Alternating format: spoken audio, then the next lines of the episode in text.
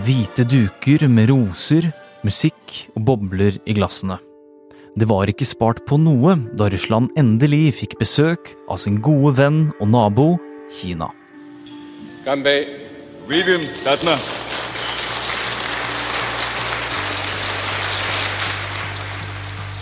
Denne uken besøkte Xi Jinping Vladimir Putin i tre dager, bl.a. for å snakke om krig og ikke minst fred i Ukraina. Tidligere har de snakket om sitt grenseløse samarbeid. Men hvor gode venner er egentlig Xi og Putin nå? Du hører på Forklart fra Aftenposten. I dag er det torsdag 23. mars, og mitt navn er Philip A. Johannesborg.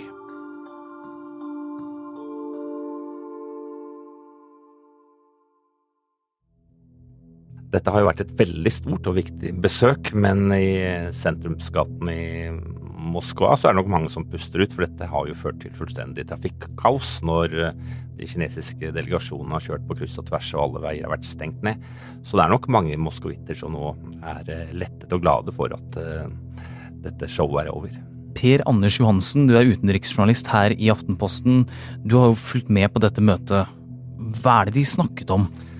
Det har vært et veldig langt møte som har pågått altså i minst halvannen dag, og de har snakket om alt fra ja, energi, romfart og handel til samarbeid om forsvar og sikkerhet. Men det de brukte mest tid på, sa iallfall Putin, var krigen i Ukraina og Kinas såkalte fredsplan. Og denne fredsplanen består rent formelt av tolv punkter. Den handler om å respektere alle lands suverenitet, gjenoppta fredssamtaler og stoppe fiendtlighetene. Men ingen konkrete tiltak og løsninger, utenom å oppheve sanksjonene mot Russland. Planen er blitt møtt med skepsis fra Vesten og Ukraina, men Putin selv har sagt at den planen kan skape fred. Så det er én grunn til at besøket er viktig for Putin. En annen er timingen. For den russiske presidenten har hatt en skikkelig drittuke. Putin får jo daglig dårlige nyheter. Det kommer meldinger hele tiden om hvordan store, nye vestlige militære våpenforsyninger kommer frem til Ukraina, bl.a. norske stridsvogner. Det kommer meldinger om at Polen og Slovakia f.eks. sier at de vil sende MIG-jagerfly for å hjelpe Ukraina, og det alvorligste for Putin er kanskje alle de dystre meldingene fra fronten, hvor vi ser veldig klare tegn til at offensiven er i ferd med å stoppe opp. Russerne har ikke klart å ta Bakhmut, og, og mange frykter at, ja, i, i Moskva at en stor ukrainske motoffensiv kommer når som helst.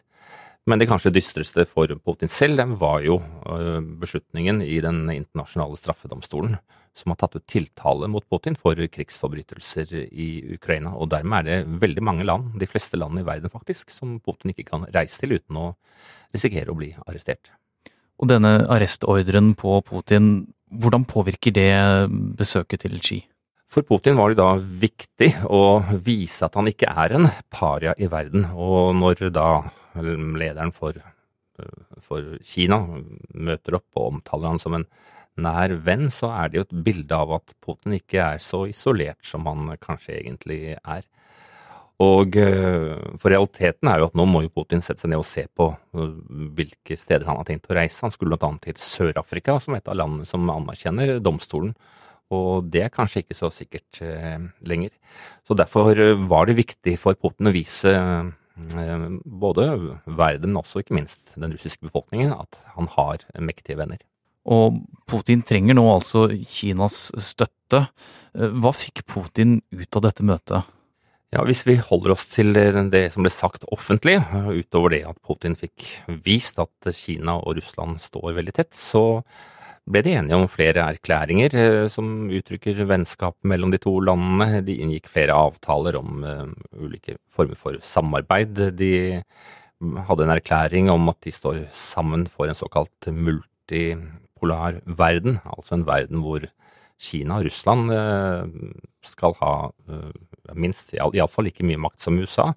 De eh, erklærte at det ikke finnes noe høyere demokrati, underforstått Kina og Russland er eh, like demokratiske som eh, de samfunnet vi lever i, og, og det hele tatt slo det jo fast da at aldri før så har Russland og Kina hatt et tettere og nærere vennskapsforhold enn nå. Men én ting er hva som ble sagt offentlig, for der så alt ut til å være i den skjønneste orden. Spørsmålet er hva ble sagt bak lukkede dører?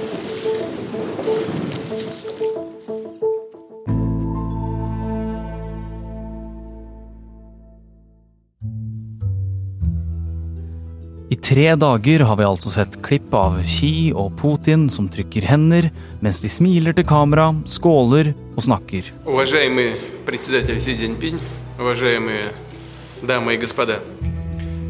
Men hvis du ser ekstra godt etter, slik som Per Anders har gjort, så kan det være noe mer som blir kommunisert.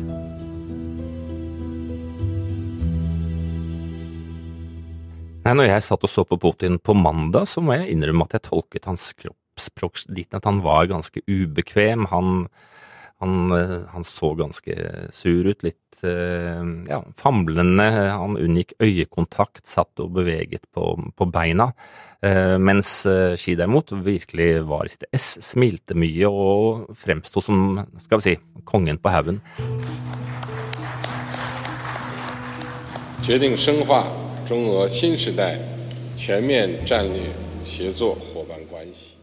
Alt som har skjedd i Russland etter at Putin besluttet seg for å invadere Ukraina, har jo gjort Russland mye mer avhengig av Kina.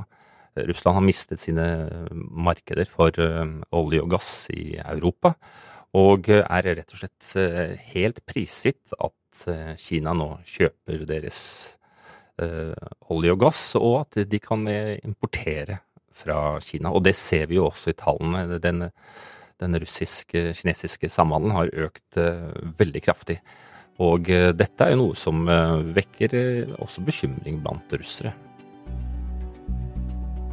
For rent økonomisk så utfyller de to landene hverandre. Kina trenger Russlands råvarer, mens Russland trenger kinesisk teknologi og investeringer for å holde den russiske økonomien i gang. Men nå har kanskje den balansen begynt å flytte seg litt mer i Kinas favør.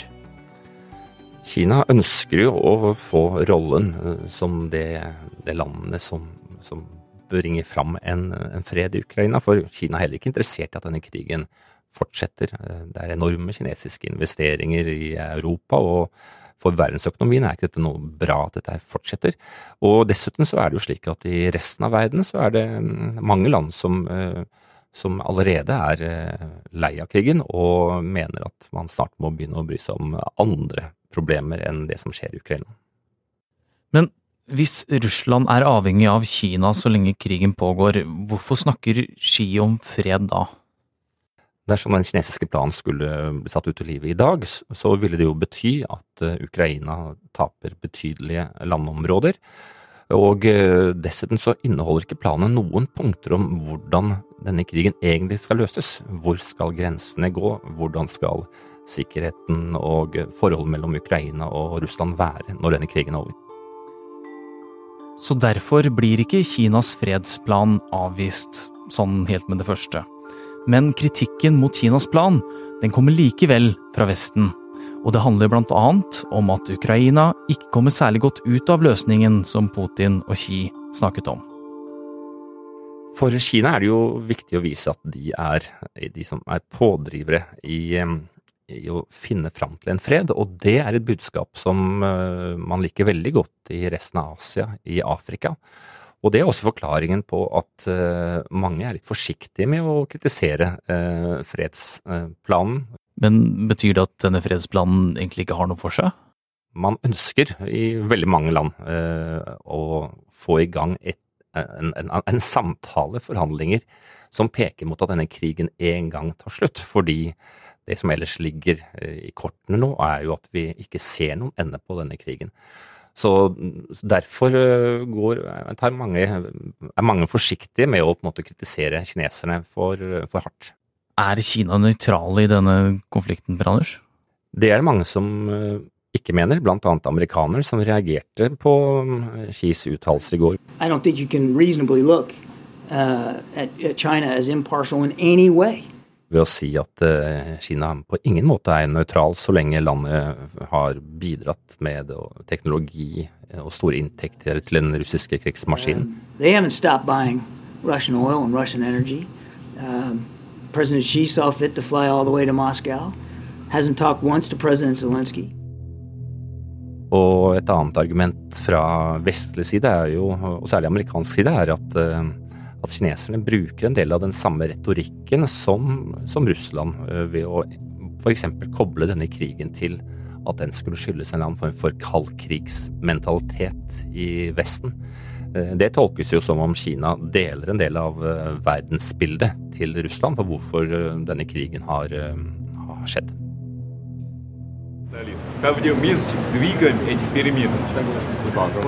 Da de to sa farvel til hverandre etter møtet, fulgte Putin Xi helt ned til bilen før han ga ham et siste par vink mens den sorte bildøren ble lukket.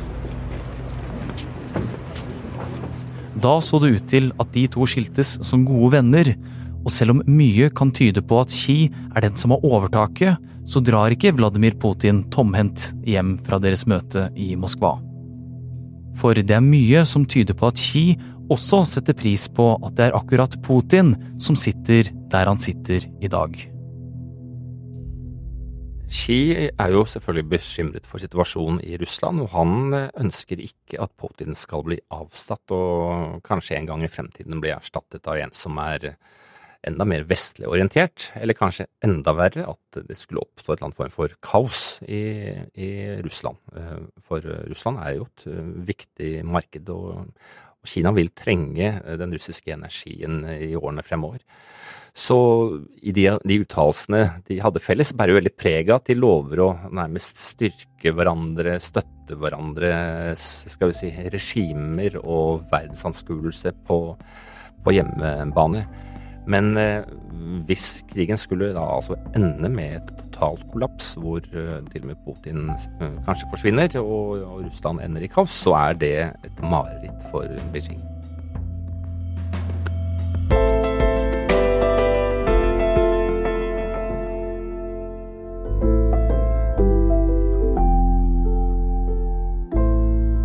Du har hørt en podkast fra Aftenposten. Det var Per Anders Johansen som forklarte deg hva møtet mellom Putin og Xi betyr. Du har hørt lyd fra nyhetsbyrået AP og Kremls informasjonskanal. Denne episoden har alle vært med på, og forklart det er Syne Søhol, Jenny Føland, David Vekoni, Trond Odin Johansen, Anders Sveberg, Olav Eggesvik og meg, Philip A. Johannesborg.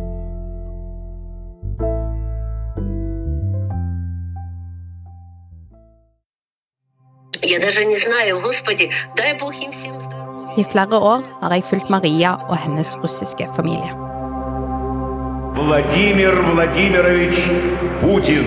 Клянусь при осуществлении полномочий президента Российской Федерации. Hva mener russiske familier om det som skjer i landet deres nå? Hvorfor er det så mange russere som stemmer på Putin? Og hvorfor er det så mange som støtter krigen i Ukraina? Det håper jeg denne familiehistorien kan gi svar på. Freden på vårt kontinent er blitt knust. Vi har nå krig i Europa i et omfang vi trodde hørte historien til, sier Nato-sjef Jens Stoltenberg. Og det er litt av en historie. Den handler om tap og kaos, om å bli trua av den russiske mafiaen, og om å lengte tilbake til Norge. Hør Putin og Maria, en podkast av Aftenposten. Den finner du hos Podmy og i Aftenposten-appen.